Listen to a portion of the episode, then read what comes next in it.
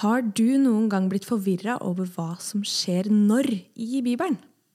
Da kan forhåpentligvis denne episoden hjelpe deg.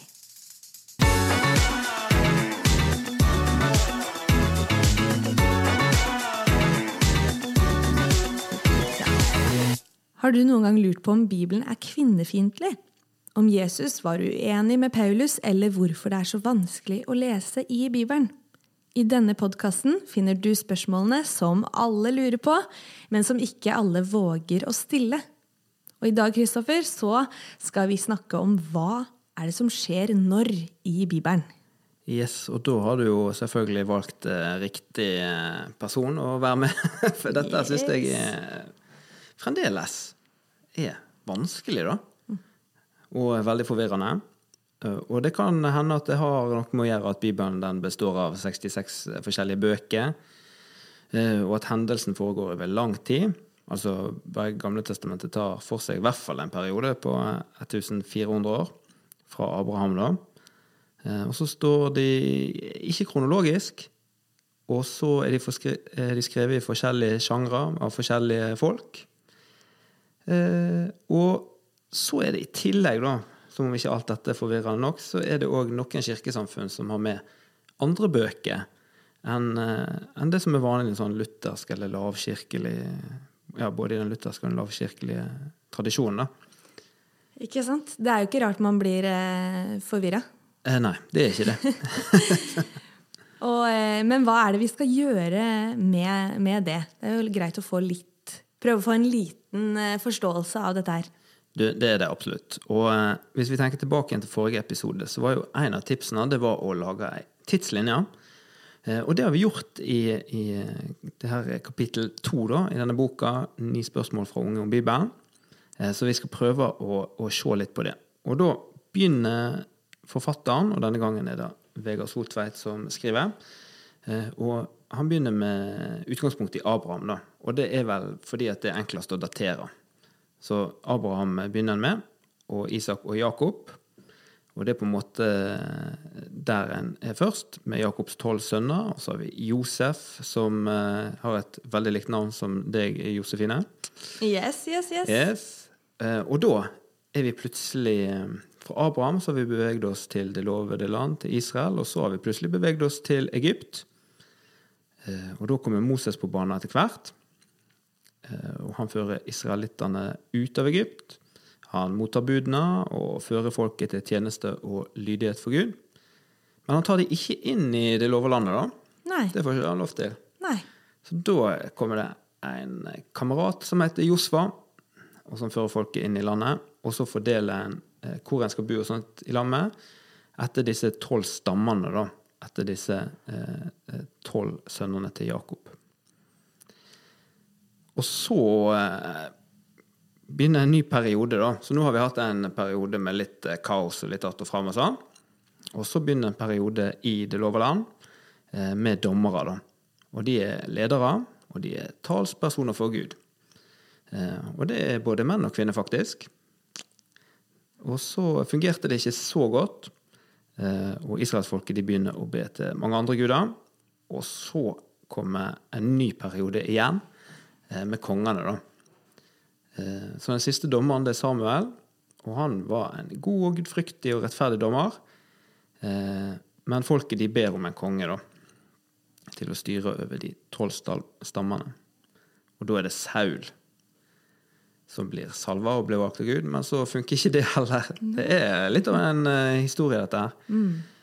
Eh, mye prøving og feiling, virker det kanskje som. Men i hvert fall, eh, Gud vraker Saul òg, og da blir David valgt av Gud. Eh, og han kjemper med Saul, og det er dårlig stemning, men David vinner til slutt. Og så inntar han byen Jerusalem og gjør den til landets hovedstad. Og så eh, får ikke han bygd et tempel, men det får eh, sønnen hans Salomo. Så da er vi kommet til kongeriket. Og så, eh, bare for å gjøre det litt mer komplisert, så eh, blir det plutselig to kongeriker, da. Og da er vi eh, i Sør- og Nordriket. Altså Salomos sønn, han heter Rehabiam. Og det er så mange måter å si det der på at jeg bare lar det ligge der. Men eh, han, eh, han vil liksom overgå eh, faren sin, da. Så han øker skatt og arbeid, og det skaper masse misnøye. Så ti av eh, stammene de forkaster han, da, og de forkaster Jerusalem som hovedstad. Og så velger de seg en ny konge. Og denne todelingen den preger resten av Det gamle testamentet. da der en har Nordriket, som heter Efraim, eller heter Israel òg. Og så har du Sørriket, som er eh, Juda, som er da rundt Jerusalem. Og så eh, Så da må en liksom holde tunga rett i munnen. Og så er de av og til i krig, og så av og til er de i samarbeid, og så er de egentlig ett folk med de to kongeriker. Så her må en lese ting to-tre ganger, kanskje bare for å finne ut hvor en er henne, og hvem som kriger mot hvem, osv. Eh, men under kongeriket så skjer det noe viktig, og det er at profetene de kommer inn for fullt. da. Så de advarer, og de sier ofte sånn der at dersom kongen ikke vil tro og adlyde det de har fått fra Gud, så vil det komme en straff. Og sånn er det egentlig hele tida. Eh, og så Plutselig så forsvinner egentlig Nordrik-Israel. Det er ja, 700-tallet før Kristus. Da kommer asyrerne og det forsvinner egentlig ut av historien. Eh, mens det, så da forsvinner Nordriket Israel. Mens Sørriket, det er det litt til. Eh, og så blir det òg erobra av babylonerne, og de ødela Jerusalem og tempel og bymurer og sto på. Og førte folket til eksil i Babylon. Deriblant en mann ved navn Daniel. Mm -hmm. Som kanskje er en historie noen husker, da. Og så eh, er det profeter med Daniel og Esekiel. Og så blir det babylonske riket tatt av Perserriket. Så hvis du ikke er forvirra nå, så eh, er du god. Men så er det en som heter Nehemja. da. Han er kongens eh, munnskjenk. Og han forteller sin store sorg til kongen, da, at han vil flytte tilbake igjen. Og så flytter de tilbake igjen til Jerusalem, får lov til det. Og så bygger de opp igjen tempelet, da.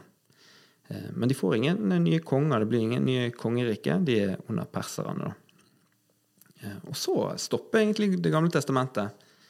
Så er det en pause der på sånn 400 år ca. Eh, men vi har faktisk òg noen skrifter da, som tar for seg noe av det som skjer med det vi kaller for apokryfene. Da. Så hvis en har lyst til å vite hva som skjer imellom der, så kan en lese det. Men kort fortalt så kommer Aleksander den store og erobrer Perserriket, og plutselig er det gresk. Og så kommer Romerriket og overtar Jerusalem.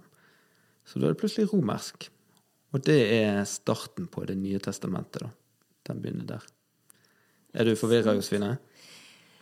Jeg prøver å holde tunga rett i munnen her. Jeg skal ikke si at jeg ikke er litt forvirra, men, mm. men jeg eh, høre på denne episoden gang på gang, så sitter det nok et vers. Ja, Ellers kan du lese kapittelet. For eh, kanskje lettere å lage en sånn tidslinje når en leser kapittelet. da.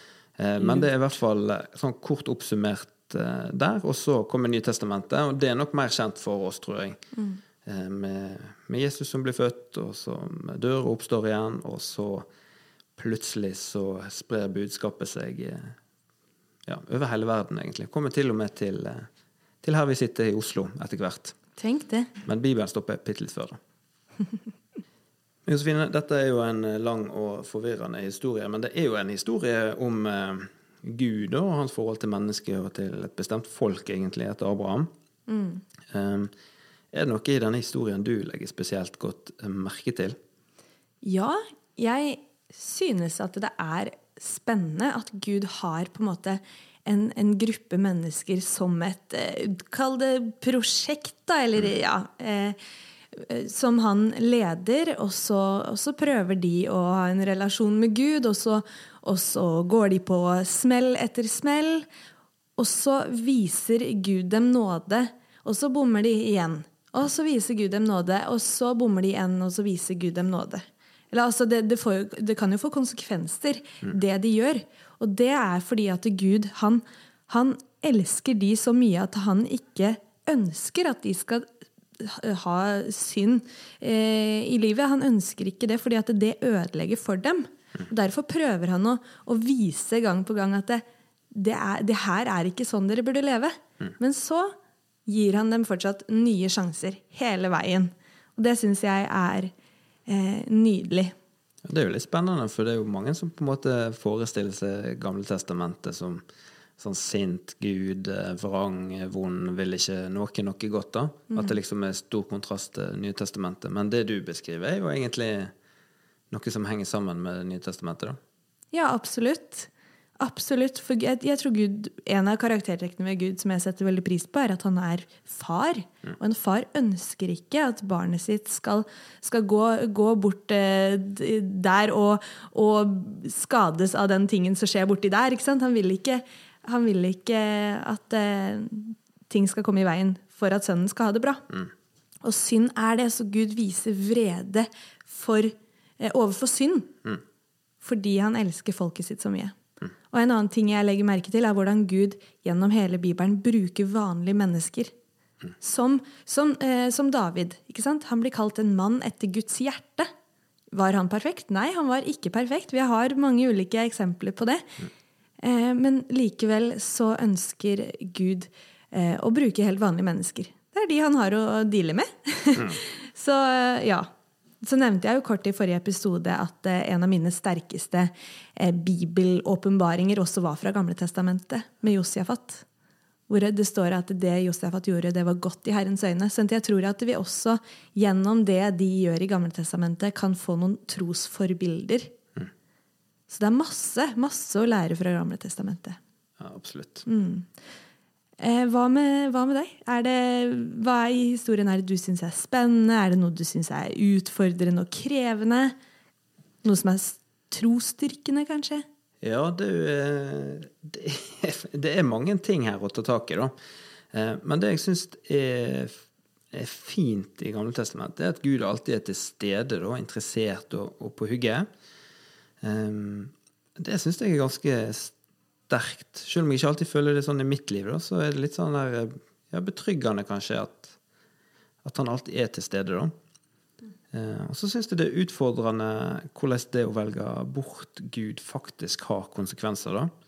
Og det er jo en gjenganger i, i, i denne framstillingen i hvert fall, og i, i Det gamle testamentet, at når en bommer, da, og i hvert fall når en bommer grovt, eh, så får det konsekvenser, da. Så når jeg velger bort Gud, så, så får det konsekvenser. Og Ikke alltid det at det er Gud som straffer, sånn som vi kanskje av og til ser det for oss, men rett og slett at det, det får konsekvenser. Og det er ikke det beste å velge vekk Gud. Det er egentlig en veldig lite lur ting, for å si det på en god norsk måte, da. Enig.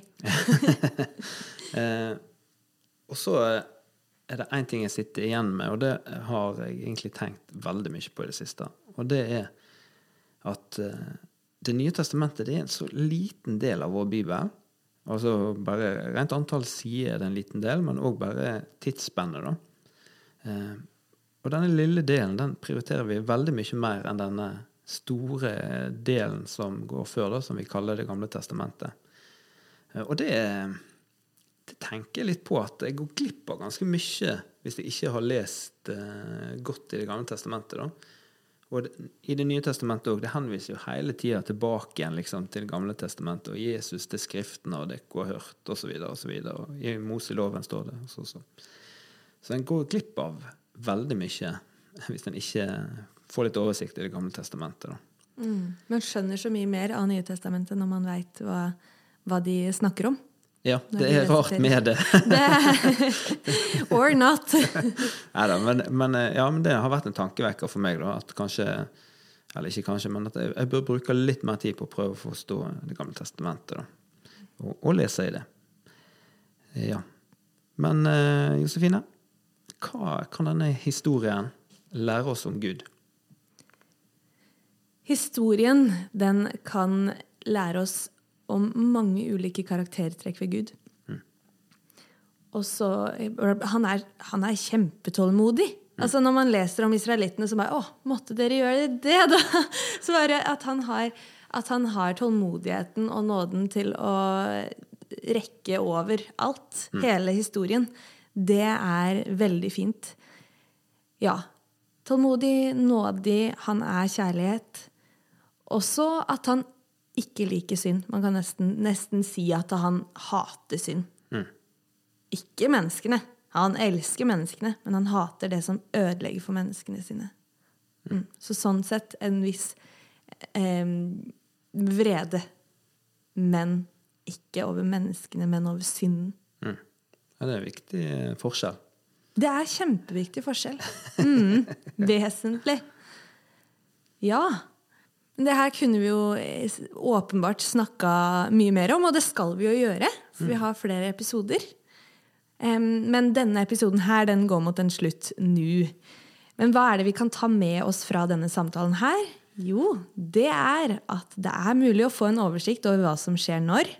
At Gud ikke svikter sitt folk, men følger dem.